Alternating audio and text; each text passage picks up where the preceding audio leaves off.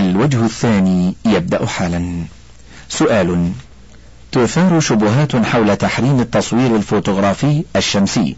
نرجو من فضيلتكم ردا مفصلا عليها. وهي كالتالي. ألف.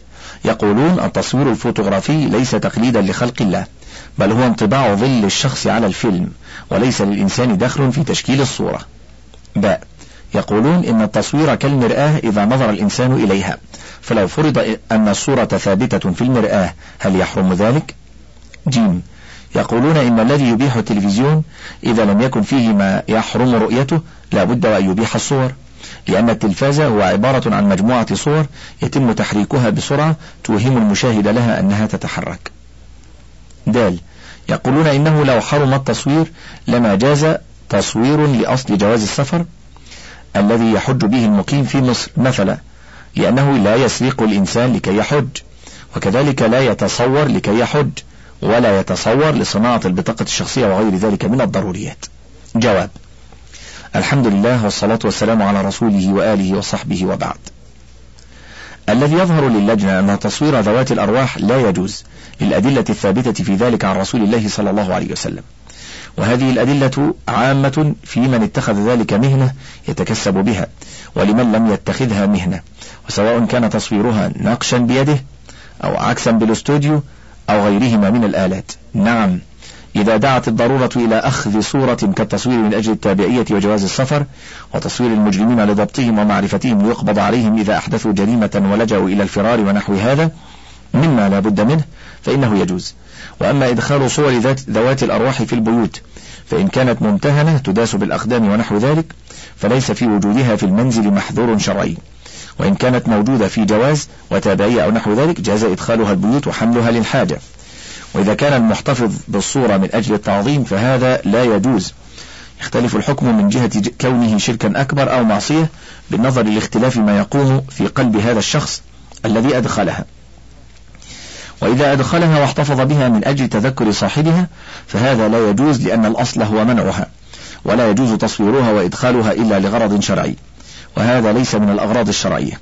وأما ما يوجد في المجلات من الصور الخليعة فهذا لا يجوز فهذه لا يجوز شراؤها ولا إدخالها في البيت لما في ذلك من المفاسد التي تربو على المصلحة المقصودة من مصلحة الذكرى.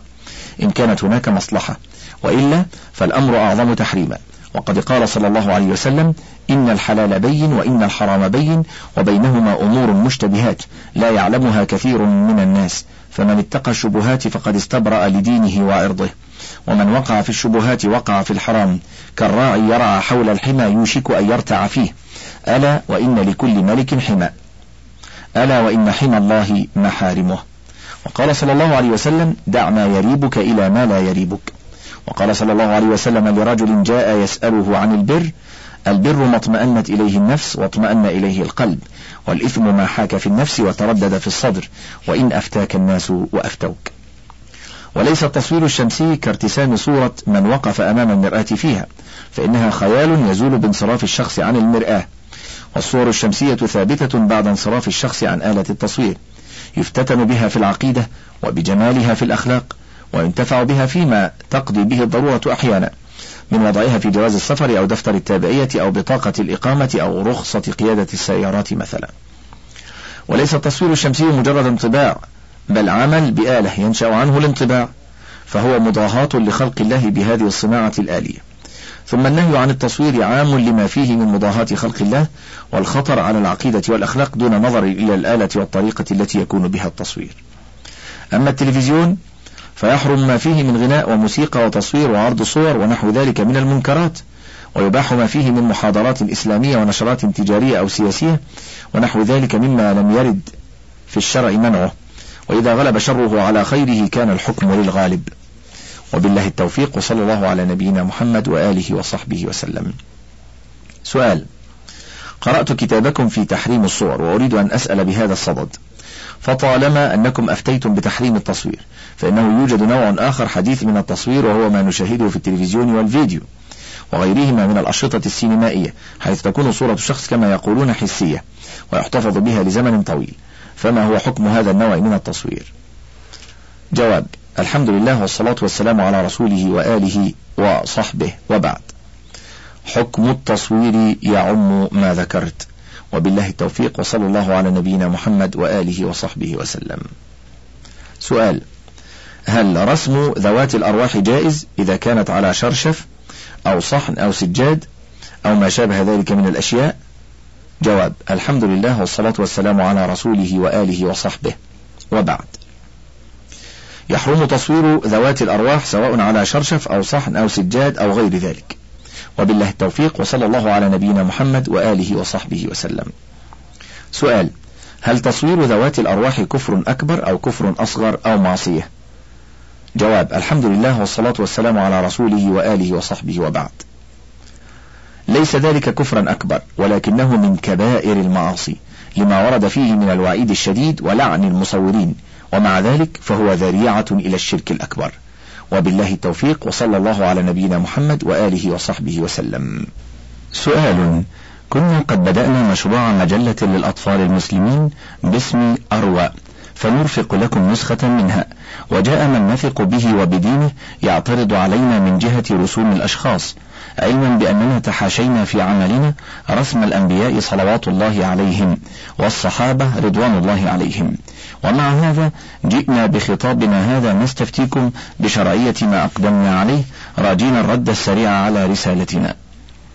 جواب الحمد لله والصلاة والسلام على رسوله وآله وصحبه. وبعد تصوير ذوات الأرواح مطلقا حرام ولو كانت صور غير الأنبياء عليهم الصلاة والسلام. وغير صور الصحابة رضي الله عنهم وليس اتخاذها وسيلة للتشويق والإيضاح مبررا للترخيص فيها. وصلى الله على نبينا محمد وآله وصحبه وسلم. سؤال ما هو حكم الصيني الموجود عليه تصوير مع العلم أنه يترك ولا يستخدم إلا للضرورة؟ جواب الحمد لله والصلاة والسلام على رسوله وآله وصحبه. وبعد الأصل تحريم تصوير ذوات الأرواح للأدلة الواردة في ذلك.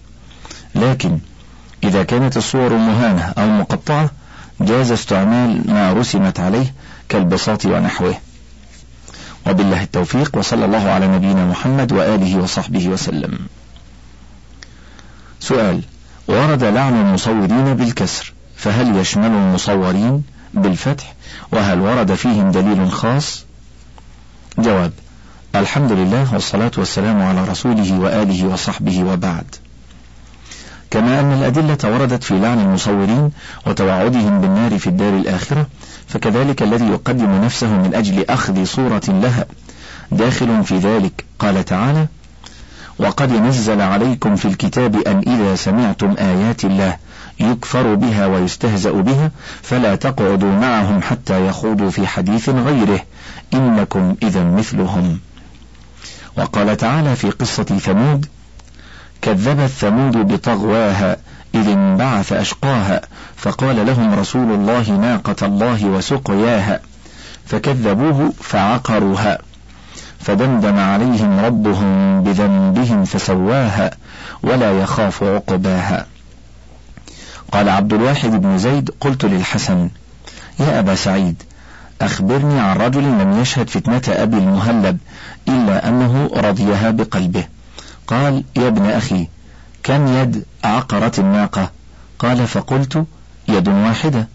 قال أليس قد هلك القوم جميعا برضاهم وتماليهم رواه الإمام أحمد في الزهد. فهاتان الآيتان تدلان على أن الراضي بالفعل كالفاعل ولا يدخل في ذلك من اقتضت الضرورة أن تؤخذ صورة له وصلى الله على نبينا محمد وآله وصحبه وسلم. سؤال حينما قرأت في باب ما جاء في المصورين في كتاب التوحيد وجدت الوعيد الشديد للمصورين لقوله صلى الله عليه وسلم أشد الناس عذابا يوم القيامة الذين يضاهون بخلق الله. فهل يدخل في هذا المصورون الحاليون أصحاب الاستديوهات وما حكم من احتفظ ببعض الصور لشخصه أو لأحد أصدقائه أو أقاربه. وذلك للذكرى فقط لا للتبرك بها. أو من احتفظ ببعض المجلات المفيدة كمجلة العربي وذلك لما تحويه من العلم والمعرفة والثقافة المفيدة لا من أجل الصور الموجودة بها. جواب الحمد لله والصلاة والسلام على رسوله وآله وصحبه وبعد. الذي يظهر للجنة أن تصوير ذوات الأرواح لا يجوز للأدلة الثابتة في ذلك عن رسول الله صلى الله عليه وسلم كالحديث الذي ذكره السائل. وهذه الأدلة عامة في من اتخذ ذلك مهنة يتكسب بها ولمن لم يتخذها مهنة.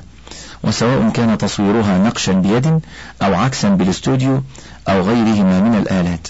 لكن إذا دعت الضرورة إلى أخذ صورة كالتصوير من أجل التابعية وجواز السفر وتصوير المجرمين لضبطهم ومعرفتهم ليقبض عليهم إذا أحدثوا جريمة ولجأوا إلى الفرار ونحو هذا مما لا بد منه فإنه يجوز.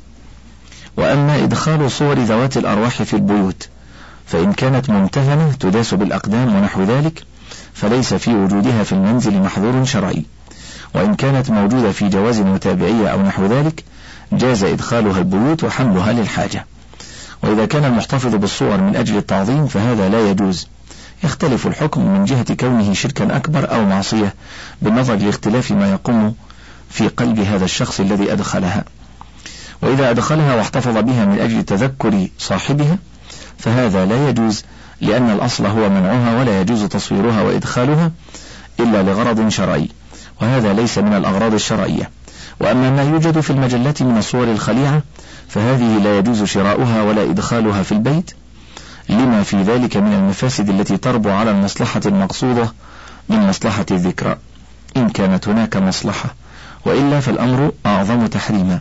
وقد قال صلى الله عليه وسلم إن الحلال بين والحرام وإن الحرام بين وبينهما أمور مشتبهات.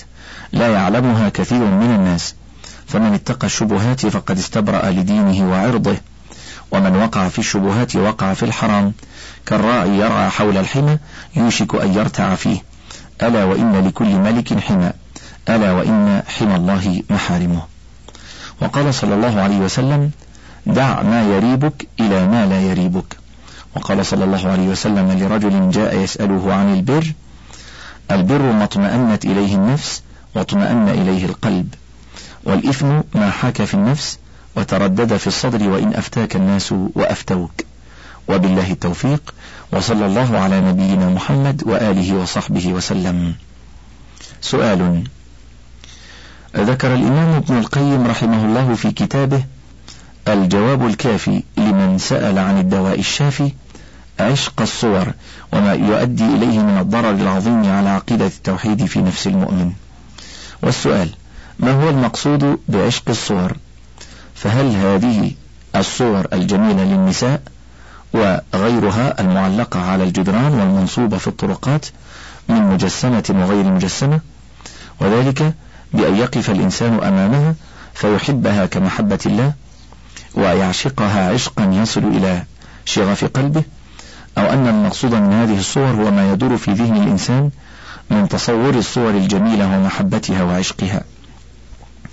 وإذا كان الأمر كذلك فما حكم من انطرح على فراشه وأغلق عينيه وأخذ يتصور النساء عاريات ويفعل معهن ما يفعله الرجل بامرأته لكي يطفئ ما في نفسه من غريزة وشهوة. وهل هذا النوع من أنواع عشق الصور الذي يؤدي والعياذ بالله إلى الشرك الذي لا يغفر؟ وإذا كان كذلك فهل يصح أن نقول إنه ليس للزوج أن يتصور امرأته عارية في ذهنه؟ لأن هذا نوع من أنواع عشق الصور مع أنه يحق له في نفس الوقت أن يرى منها كل شيء خارج ذهنه ويحب منها كل شيء. هذه هي قضيتي التي أردت أن أعرضها على سماحتكم. راجيا الله سبحانه وتعالى ألا تبطئوا علي بالرد لأنني في حيرة من أمري خصوصا وأن هذا الأمر يمس العقيدة التي هي رأس مال المسلم. سائلا الله أن يجزيكم عني وعن المسلمين كل خير. جواب الحمد لله والصلاة والسلام على رسوله وآله وصحبه وبعد. المراد بعشق الصور هنا محبتها مثل محبة الله أو أكثر بدليل قوله بعد وربما صرح العاشق منهم بأن وصل معشوقته أحب إليه من توحيد ربه كما قال العاشق الخبيث يرتشفن من فم رشفات هن أحلى فيه من التوحيد. وكما قال الخبيث الآخر بأن وصل معشوقته أشهى إليه من رحمة ربه فعياذا بك اللهم من هذا الخذلان. ومن هذه الحال قول الشاعر وصلك أشهى إلى فؤادي من رحمة الخالق الجليل. ولا ريب أن هذا العشق من أعظم الشرك ويلحق بذلك في التحريم ما يجر إلى الفواحش من زنا ولواط وسواء كانت تلك الصور معلقة بالجدران أم في الطرقات أم كانت في الصحف والمجلات وسواء كانت حية أم رسوما محاكية لها. بل يدخل في ذلك ما يتخيله الإنسان من صور النساء الأجنبيات الجميلات ليقضي فيها وطره ويطفئ شهوته. وصلى الله على نبينا محمد وآله وصحبه وسلم. سؤال ما موقف المسلم من الصور التوضيحية التي في الكتب الدراسية والكتب العلمية والمجلات الإسلامية النافعة مع أنه لابد من وجود هذه الصور للتوضيح وتقريب الفهم. جواب الحمد لله والصلاة والسلام على رسوله وآله وصحبه وبعد. تصوير ذوات الأرواح حرام مطلقا لعموم الأحاديث التي وردت في ذلك وليست ضرورية للتوضيح في الدراسة بل هي من الأمور الكمالية لزيادة الإيضاح. وهناك غيرها من وسائل الإيضاح يمكن الاستغناء بها عن الصور في تفهيم الطلاب والقراء. وقد مضى على الناس قرون وهم في غنى عنها في التعليم والإيضاح وصاروا مع ذلك أقوى منا علما وأكثر تحصيلا وما ضرهم ترك الصور في دراستهم ولا نقص من فهمهم لما أرادوا ولا من وقتهم وفلسفتهم في إدراك العلوم وتحصيلها. وعلى هذا لا يجوز لنا أن نرتكب ما حرم الله من التصوير لظننا أنه ضرورة وليس بضرورة لشهادة الواقع بالاستغناء عنه قرونا طويلة. وصلى الله على نبينا محمد وآله وصحبه وسلم. سؤال ما حكم الإسلام في الرسم على السبورة رسوما تخطيطية في عملية التعليم؟ مع العلم أن الرسم عبارة عن أشكال حيوانات ونباتات وحشرات في مادة التاريخ الطبيعي الأحياء وقد تكون هذه الرسومات مهمة في عملية التعليم. وهذه الرسومات غير مجسمة مع معرفة أهمية هذا العلم في الطب والزراعة. جواب الحمد لله والصلاة والسلام على رسوله وآله وصحبه وبعد. ما كان من ذلك صورا لذوات الأرواح كالحشرات وسائر الأحياء فلا يجوز ولو كان رسما على السبورة والأوراق ولو كان القصد منه المساعدة على التعليم لعدم الضرورة إليه لعموم الأدلة في ذلك. وما لم يكن من ذوات الأرواح جاز رسمه للتعليم وغيره. وصلى الله على نبينا محمد وآله وصحبه وسلم. سؤال نظرا لما يخطئ فيه المسلمون الحجاج وغيرهم من الهند والباكستان. قد أهمني تأليف كتاب في مسائل الحج في اللغة الأردية ولأنني أحتاج لمزيد من الإيضاح في تصوير بعض الأماكن في الكعبة المشرفة أو بيان طريقة استلام الحجر الأسود أو غير ذلك من الأمور إلى وضع خطوط وأشكال. الاستفتاء هل يجوز شرعا في ضوء الكتاب والسنة التمثيل بمثل هذه الخطوط والأشكال المذكورة أدنى؟ جواب الحمد لله والصلاة والسلام على رسوله وآله وصحبه وبعد.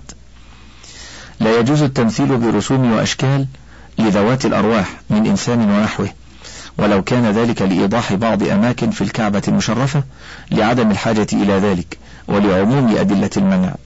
وصلى الله على نبينا محمد وآله وصحبه وسلم. سؤال بمناسبة قرب موسم الحج رأيت أن أطبع على الساعات صورة الكعبة المشرفة والحرم النبوي لتوزيعها على الحجاج للتذكير بمشاعرهم المقدسة أثناء كل نسك يؤدونه وذلك بمشاهدتهم الساعة لأوقات الصلوات. ولعلي بذلك يا صاحب الفضيلة أحظى بالتشجيع منك لإعطاء الفتوى اللازمة بإجازة طبع صورة الكعبة المشرفة والمسجد النبوي على ساعات اليد وساعات الحائط وذلك لتقديمها إلى الجمارك أثناء استيرادها. لا حرمنا الله منكم موجها دينيا. والله يرعاكم. جواب. الحمد لله والصلاة والسلام على رسوله وآله وصحبه وبعد. الأصل في تصوير ما لا روح فيه من الجبال والزروع والأشجار والبحار وسائر الجمادات الجواز. لكن قد يطرأ على ذلك أو يتصل به ما يوجب منعه.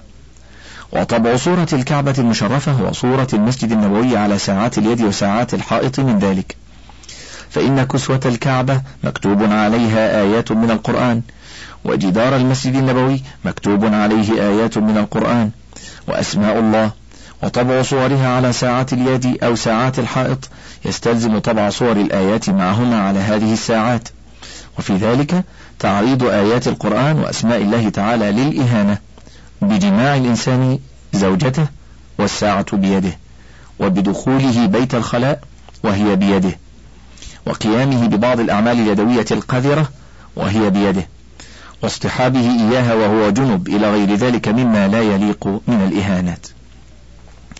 أما ساعات الجدار التي طبع عليها صورة المسجد النبوي مع ما على جدرانه من آيات القرآن وأسماء الله تعالى فمعرضة لأنواع من الإهانات السابقة عند إصلاحها إذا حصل فيها خلل وعند الانتقال من منزل لآخر ونحو ذلك. ثم في طبع ما ذكر عليهما عدول بالقرآن عما نزل من أجله من التفقه في الدين والتعبد بتلاوته والاعتبار والاتعاظ به إلى استعماله في الدعاية لترويج التجارة واتخاذه وسيلة للكسب ونماء المال. وقد يفضي إلى اتخاذ بعضها حجابا وحمل بعضها أو تعليقه للتبرك وللحفظ من الآفات وما يخشى منه من اللصوص وأنواع البلاء وعلى هذا لا يجوز طبع صور الكعبة والمسجد النبوي على الساعات مطلقة ويجب المنع من دخولها المملكة. وصلى الله على نبينا محمد وآله وصحبه وسلم. سؤال أرجو التكرم بإعلام عن حكم الدين في إنتاج مجسمات فنية للحرمين الشريفين. بما في ذلك الكعبة المشرفة بغرض بيعها على الحجاج وغيرهم من المسلمين الذين يرغبون في اقتنائها على سبيل التذكار. جواب الحمد لله وحده والصلاة والسلام على من لا نبي بعده وبعد.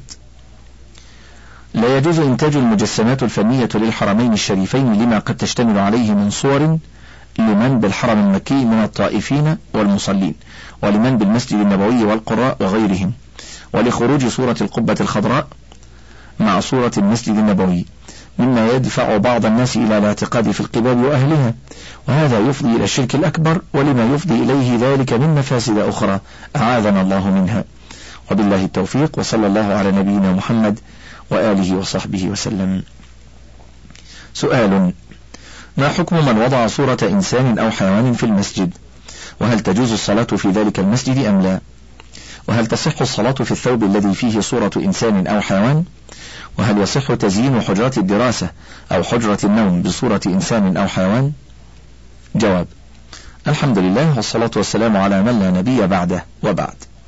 لا يجوز وضع صورة إنسان أو حيوان في المسجد ويجب أن تزال من المسجد التي هي فيه. ومن صلى فيه والصورة فيه فصلاته صحيحة وعليه ألا يجعل الصورة أمامه. والإثم على من وضعها ومن يستطيع إزالتها فلم يزلها. وإذا صلى شخص في ثوب فيه صورة إنسان أو حيوان صحت صلاته مع الإثم. ولا يجوز أن تزين حجرات الدراسة أو حجرة النوم أو غيرهما بصورة إنسان أو حيوان. وبالله التوفيق وصلى الله على نبينا محمد وآله وصحبه وسلم. سؤال يوجد في المساجد صور لذوات الأرواح فهل تبطل الصلاة فيها؟ وما حكم الإسلام في هذا؟ جواب الحمد لله والصلاة والسلام على من لا نبي بعده وبعد. لا يجوز اتخاذ الصور من ذوات الأرواح ولا تعليقها في المساجد وغيرها كالمساكن لعموم أدلة تحريم الصور. أخرج البخاري ومسلم في صحيحيهما والنسائي عن عبد الله بن عمر رضي الله عنهما أن رسول الله صلى الله عليه وسلم قال إن الذين يصنعون هذه الصور يعذبون يوم القيامة ويقال لهم أحيوا ما خلقتم. وللترمذي عن جابر بن عبد الله رضي الله عنهما قال نهى رسول الله صلى الله عليه وسلم عن الصورة في البيت ونهى أن يصنع ذلك. وفي صحيح مسلم عن علي رضي الله عنه أن النبي صلى الله عليه وسلم قال لا تدع صورة إلا طمستها ولا قبرا مشرفا إلا سويته. وأما الصلاة في المسجد الذي فيه صور فصحيحة. ومن الواجب مناصحة المسؤولين عن المسجد حتى يزيلوا ما فيه من الصور. وبالله التوفيق وصلى الله على نبينا محمد وآله وصحبه وسلم. سؤال. ماذا تقولون في اقتناء المجلات التي فيها صور؟ هل هي من الصور المنهي عنها؟ جواب الحمد لله وحده والصلاة والسلام على من لا نبي بعده وبعد. اقتناء المجلات التي فيها الصور يجوز؟ إذا كان الاقتناء من أجل ما تحتوي عليه من العلم النافع. وينبغي لمن اقتناها أن يطمس ما فيها من الصور بالحبر ونحوه. أما إذا كان الاقتناء من أجل الصور فلا يجوز. وبالله التوفيق وصلى الله على نبينا محمد وآله وصحبه وسلم. سؤال ما حكم اصطحاب الجرائد اليومية والمجلات التي تحتوي على صور؟ وما الحكم في اصطحابها إلى المسجد وقراءتها؟ جواب الحمد لله وحده والصلاة والسلام على رسوله وآله وصحبه وبعد. يجوز اصطحابها إذا طمست رؤوسها. وخير لك في المسجد أن تقرأ القرآن فتنتفع وتكون قدوة لغيرك في الخير. وصلى الله على نبينا محمد وآله وصحبه وسلم. سؤال. قال رسول الله صلى الله عليه وسلم إن الملائكة لا تدخل بيتا فيه صورة أو تمثال أو كلب. فهل يدخل فيها الصور التي في داخل الكتب مع العلم أن الغلاف ليس به صور؟ الحمد لله وحده والصلاة والسلام على رسوله وآله وصحبه وبعد. تدخل في عموم الحديث وإن لم تكن على الغلاف ولا تدخل في عمومه إذا أزيل رأس الصورة أو طمس. وصلى الله على نبينا محمد وآله وصحبه وسلم. سؤال أنا طالب في الصف الأول الثانوي وكنت أحب الرسم منذ طفولتي وعشقت الرسم بصورة لم يتخيلها أحد. والآن قد علمت أن الرسم يغضب الله ولكني متعلق بالرسم جدا وليس الرسم فقط بل أحب النحت. فإني أنحت الوجوه.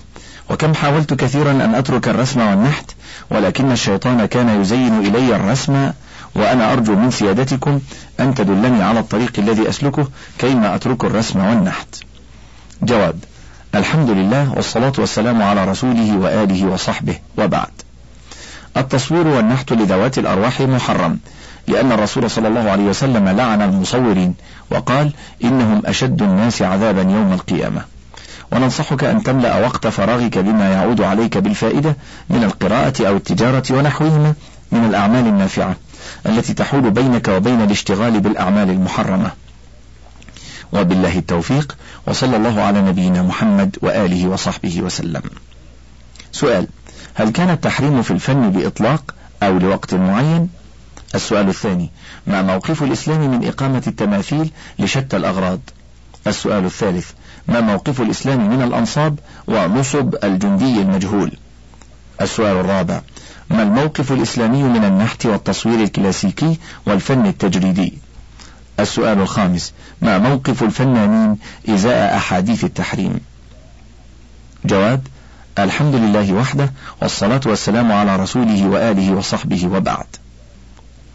ما كان من الفن نحتا أو تصويرا لذوات الأرواح فهو محرم على الإطلاق في كل وقت من الأوقات إلا ما دعت إليه ضرورة كصورة لجواز سفر أو لحفيظة نفوس أو لمشبوهين ليتعرف عليهم أو لاختبار أو تعيين في عمل أو نحو ذلك مما يدفع به الغش أو يحفظ به الأمن. فيرخص فيه بقدر الضرورة. نقول ما كان من الفن نحتا أو تصويرا لذوات الأرواح فهو محرم على الإطلاق في كل وقت من الأوقات إلا ما دعت إليه ضرورة كصورة لجواز سفر أو لحفيظة نفوس أو لمشبوهين ليتعرف عليهم أو لاختبار أو تعيين في عمل أو نحو ذلك مما يدفع به الغش أو يحفظ به الأمن فيرخص فيه بقدر الضرورة. انتهى الشريط الرابع عشر من فتاوى اللجنة الدائمة للبحوث العلمية والإفتاء وله بقية على الشريط الخامس عشر حيث نستكمل إجابة هذا السؤال المطول.